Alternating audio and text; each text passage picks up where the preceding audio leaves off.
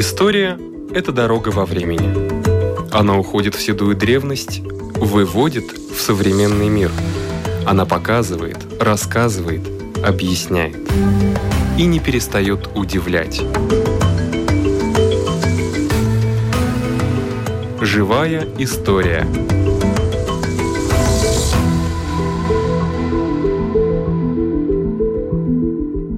У микрофона Лидия Чера.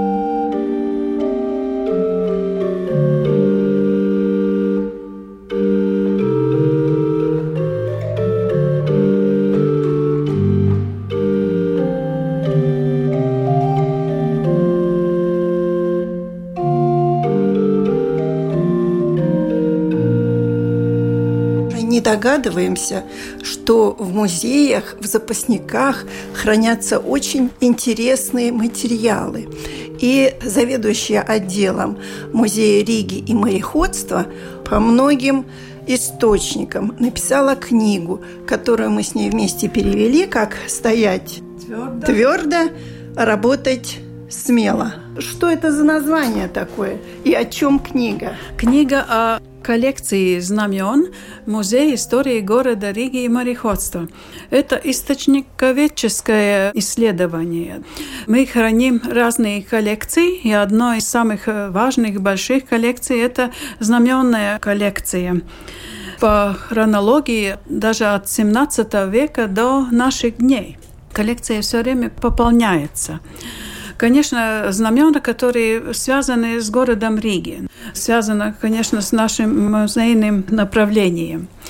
Ну и вот эта знаменная коллекция я храню ее, я занимаюсь ее учетом и так далее, их сохранением, и занимаюсь и исследованием.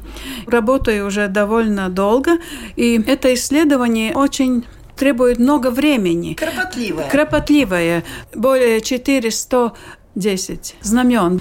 И вот каждое знамя надо исследовать, какой организации, какому обществу это принадлежало. Надо идти в архив, долго там сидеть и искать. Знаете, там фонд одной общества, там более 500 дел. И найти вот это дело и вот этот лист, который будет давать информацию о этом знамени, это очень долго. Это тоже и часть такой счастливой случайности. Ну и потом, конечно, специальная литература. Надо все время сравнивать э, эти знамена с другими знаменами в европейских городах. И потом изучать это конкретное знамя. Это значит изучать и этот материал, из которого сделано это знамя. Ну, обычно из ткани. Но ткань тоже разная.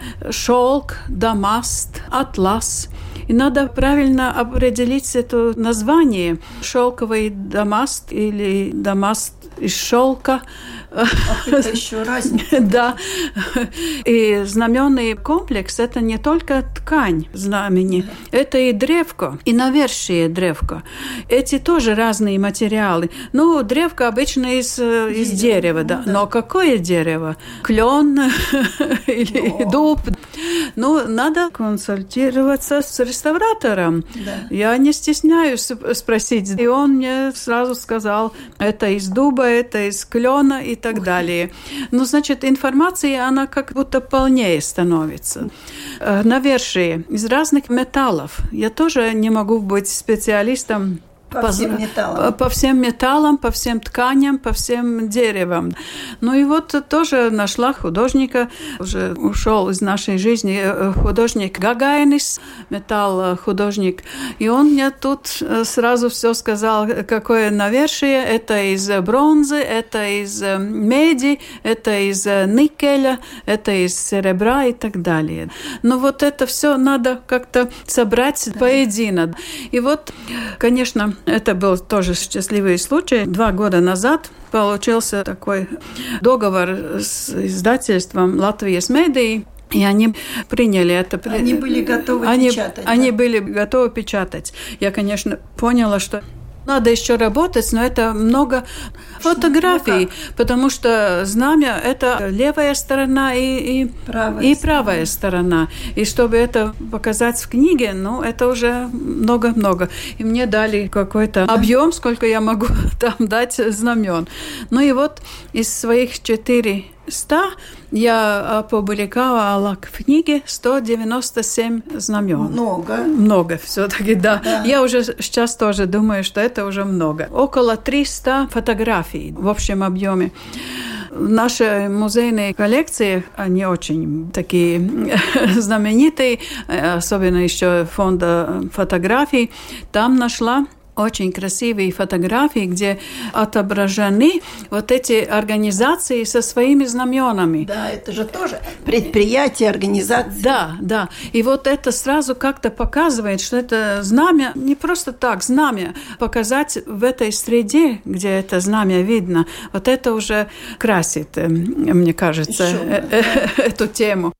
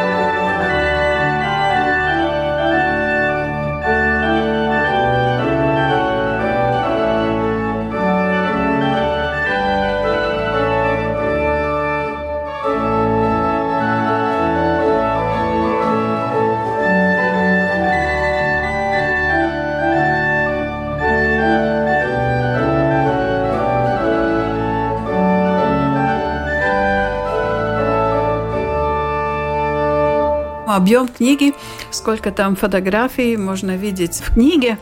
Ну, вот так получилось, что книга вышла, вышла в свет, да. Ну, конечно, я рада, потому что это публикация исторических предметов.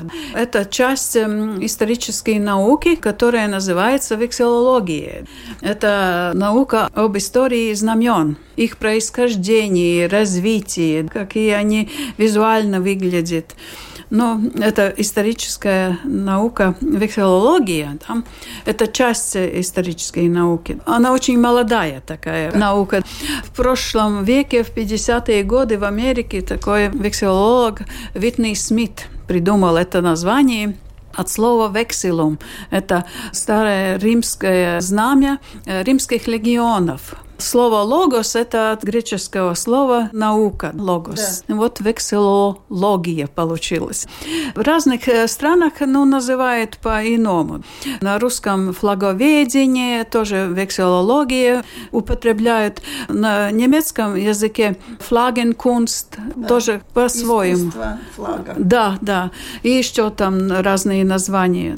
Ну, на латышском языке мы придерживаемся этой вексилологии. Очень важно изучение знамен, терминология.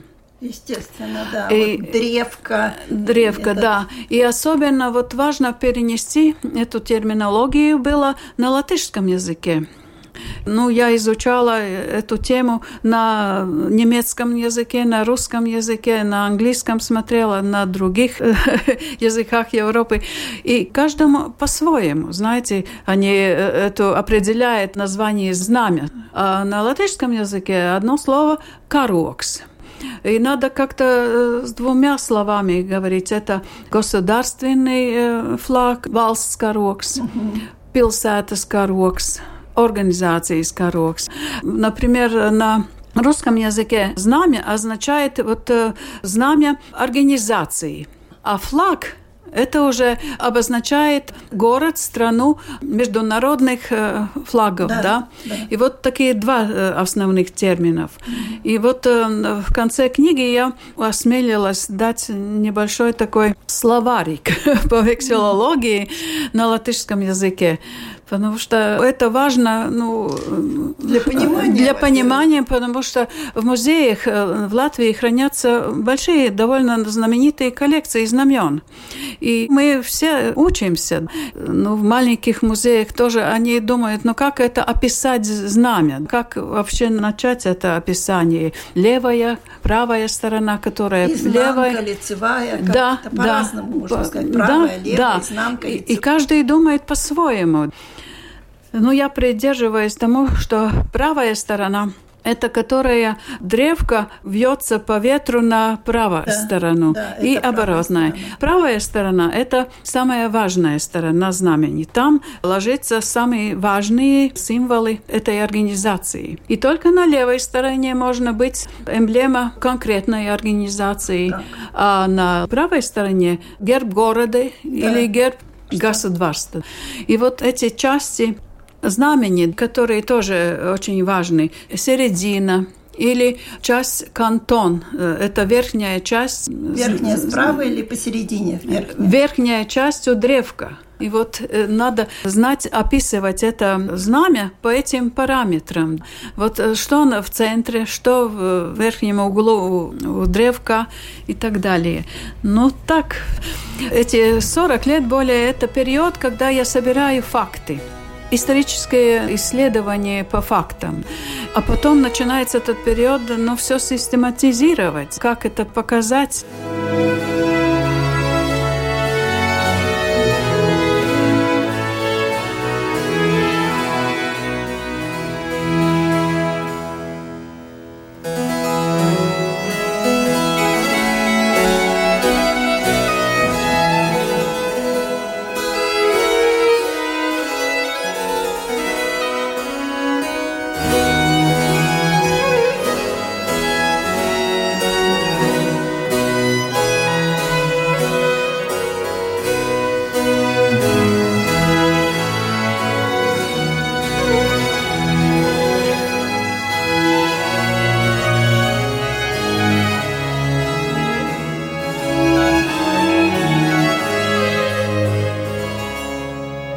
Надо знать классификацию знамен.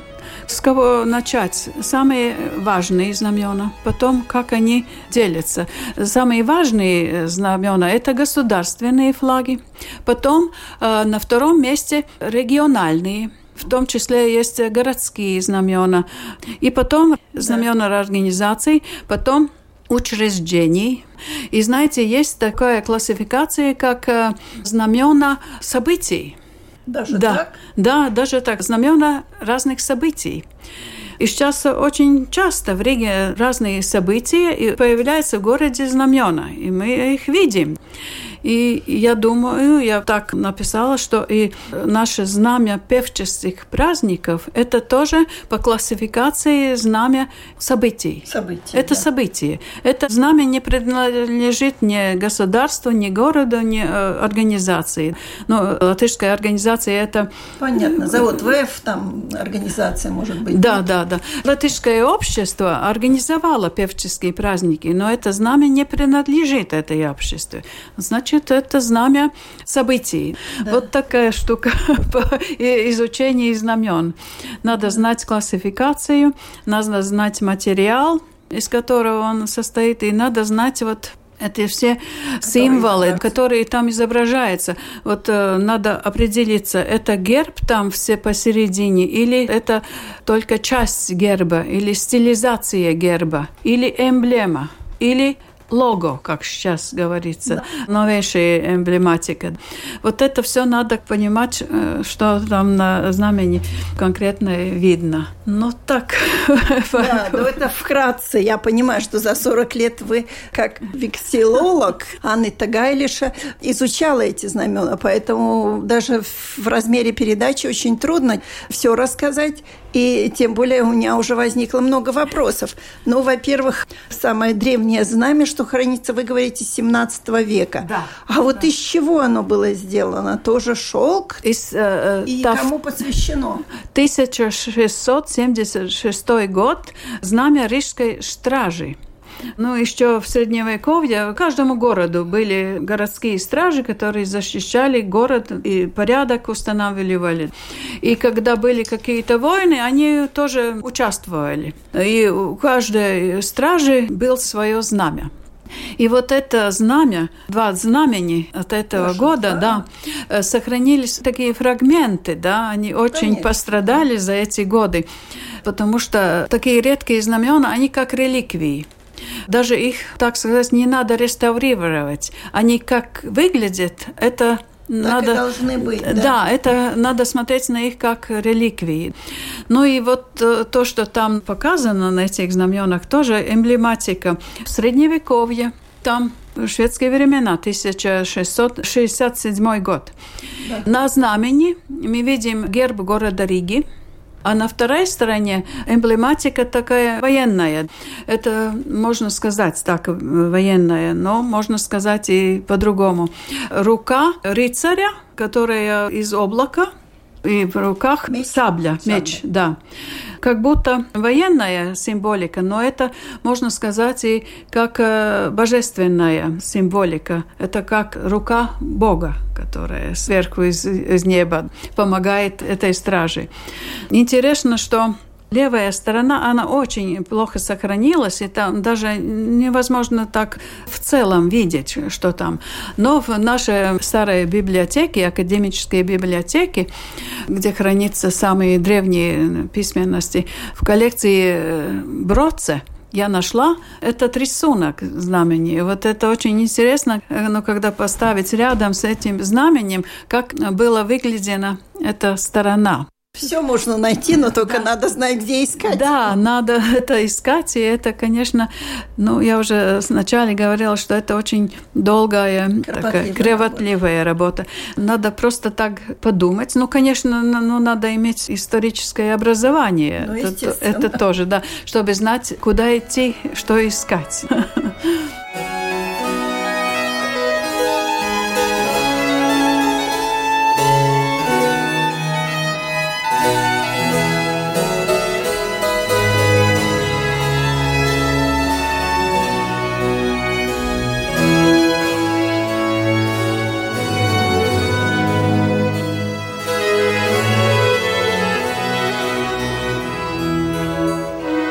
Если говорить о флаге Большой гильдии 1922 года. Гильдия, она уже с 14 века. Ранние знамена мы не знаем, какое было. Можно сказать, я пока не знаю. Конечно, еще пока. Да, э, у них обязательно были свои знамена и в да. 14 и 15 веках. Но вот интересно, что в 20 веке, когда уже эта гильдия, она была только таких в общественных правах, она не была уже в торговой организации, от которой зависела эта торговля. Но вот на общественных правах такие традиции знамен, они в 20-е и 30-е годы прошлого века, они были очень-очень развиты. И на всех шествиях в городе Риге проходили вот эти шествия с знаменами. Они, конечно, такие очень красивые эти шествия, да. И вот в одной фотографии мы видим, что знамя Большой гильдии, 1925 год, фотографии, где знаменосец стоит с этим флагом. Ну, просто вот красиво. Находка для вас. Да. А вот э, письменные источники в архиве, ну, рассказывают от 1922 года, как они думали об этом э, знамени. И вот они там в своем кругу говорят, э, обговаривают это, что надо знамя старое где-то потерялось в эти да. пережиточные времена, и надо новое. И вот они там говорят, какое знамя. Как э, в средневековье форму надо тяжелое баннер, или такое легкое, как стандартное средневековое. Все голосуют за это легкое формы знамени стандарт. Ну, То есть и, это прямоугольник, да? Да, больше как прямоугольник. И вот интересно получилось, что у верхней полосы есть прикреплен такой вимпел. И это из немецкой терминологии э, называется швенкел. Ага. Швенкел. Форма знамени из Средневековья. И этот вимпел показывает как будто рыцаря, который еще не получил свое такое высшее название. И когда он получает какое-то название уже, этот вимпел, конец срубается. Это все связано как-то очень в средневековой жизни. Ну вот. Конец чего срубается? Я не поняла. Э, вимпел, Вимпела? Вимпел, да. Он как будто больше там висит, как самое знамя. То есть он длиннее? Он получается. длиннее, да, ага. да. И когда что получается, я не понимаю. Когда он получает какое-то звание, звание. Это человек, который носит знамя. А, знаменосец. Знаменосец, Ясно, да. да. И вот на этом знамени Большой гильдии видим на одной стороне вимпела рижский флаг 17 века, а на второй стороне рижский флаг 14 века. Ну, очень-очень-очень символично. Они показывают, что это организация с 13 века в Риге, и это торговая организация, и потому эти знамена, которые показаны на вимпеле, это флаги рижских кораблей. Потому что в те времена городские знамена, они происходили от флагов ганзейских городов, но знамя кораблей –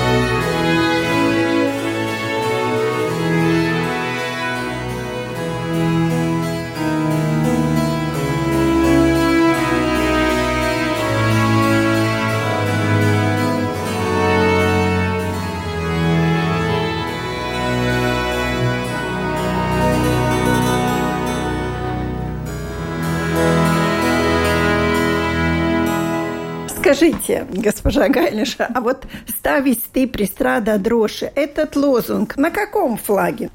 Этот лозунг... Который на первой странице вашей книги. Да, это лозунг от э, организации э, Рижское латышское общество, а. которое организовало первые певческие праздники.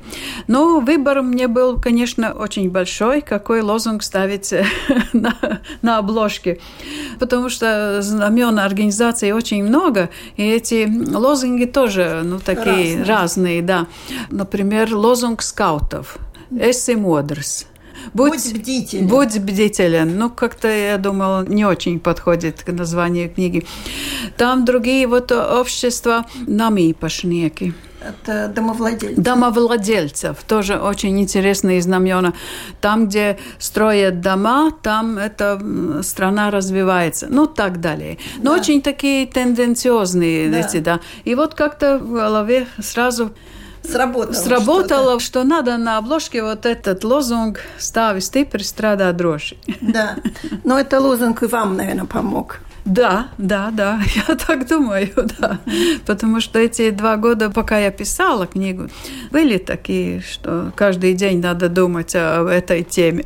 Да. Я хотела еще спросить, скажите, флаг Лигу ведь тоже хранится здесь, да, в да, музее? Да, да, флаг первых. Его очень редко же теперь показывают. Мы сейчас показываем оригинал, который у нас хранится с 1940 года. Сейчас вот как когда происходят певческие праздники, мы на неделю выставляем, ну, это реликвия, реликвия. 1873 года. Шили это знамя в Лейпциге, очень квалифицированные высшие вальсицы. Но вот пока мы не можем сказать сто процентов, кто рисовал этот эскиз. Разные такие варианты, но это все интерпретации. Пока так точно по документации я еще пока не нашла автора да. знамени. Вы сказали 1800 какого года? 73 -го года. Или 1940 -го? А из 1940 -го года это знамя в нашем хранилище находится. Ага. Да, потому что в этом году организации ликвидировали, как и многие другие организации, и эти знамена все поступили в музей.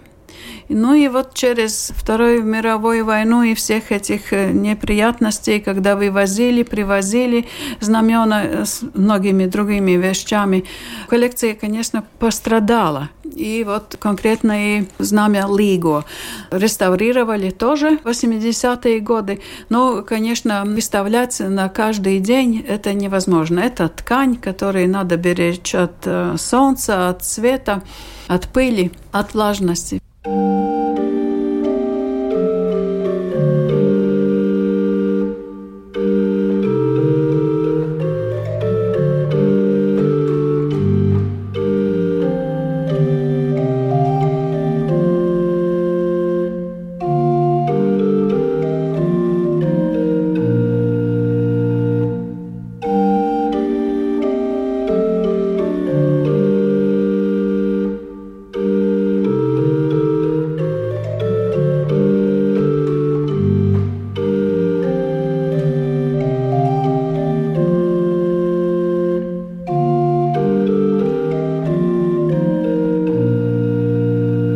читала, что даже какие-то криминальные истории были, которые попались вам, пока вы собирали материал. Может быть, напоследок что-нибудь вспомните? Ах, криминальный? Ну, не знаю, это криминальный, это как будто повседневная работа по изучению. Ну, конечно, когда мы принимаем, да, поступили постановления новые, 80-е годы, 90-е годы, когда человек приносит знамя, и он хочет продать этого. Я, я вижу, сразу понимаю, что это за знамя. И да, вот берем. я говорю, ну откуда у вас это знамя? Он говорит, да я не знаю, я как это косагу измантую, как одеяло. Как одеяло использовал, да. Вот еще другой случай. Приносит человек знамя, продать хочет. Я сразу вижу, от какого времени, что это значит. Но вижу такой интересный этикет прикреплен к этой знамени. И знаешь, что этот этикет прикрепили в 1940 году. Значит, это знамя как-то ушло из музея после войны или как, во время войны. И сейчас, вот видите, приходит человек и продает это знамя. Я, конечно, никак не показала, что я понимаю, что это есть. Ну, музей купил это знамя. Но вот такой интересный случай, да. Да. Кто-то вынес, может быть, продал, а потом все-таки это да, знамя вернулось. Вернулось, да, вот своей э, еще такой историей дополнительной, да. Но как узнать, что кому принадлежит? Знаменный комплекс – это ткань и древко. И вот разные времена, когда э, знамена тут привозили, увозили, это очень неудобно. Они демонтировали ткани от древков. И вот сейчас это сделать пассианс, сложить вместе, каком что знамени, принадлежит. что принадлежит, это тоже такая интересная работа была, длительная. И вот э, интересно получилось. Знамя 1700 года, очень-очень веткое. Вижу, что с шведской символикой и все. А в литературе написано, что это знамя Рижской стражи. Но вот э, эта символика как-то будто об этом не говорит. Но как будто э, верю тому, что написано в документе. И вот интересно, когда я нашла фотографии наших э, хранилища, где видно это знамя с древком, вот очень редкая фотография, и вижу это древко. Да, и на верши малый герб города Риги. Конечно, это знамя Рижской стражи, это говорит. А я думаю, а вот где это древко? Я же знаю, что он где-то есть. И нашла, что он прикреплен к другому знамени от 1723 года. А вот э, послевоенной экспозиции как-то им показалось, что это знамя надо прикрепить к этому древку. И как-то вот это поменяли, и знаете, получается вот да, путаница. путаница. Ну, я, конечно... Распутали. Э, я, конечно, смело распутала, опять демонтировала, приложила к знамени, которому оно принадлежит. И вот сейчас это Конечно, стопроцентно можно сказать, что это знамя Рижской стражи от 1700 года.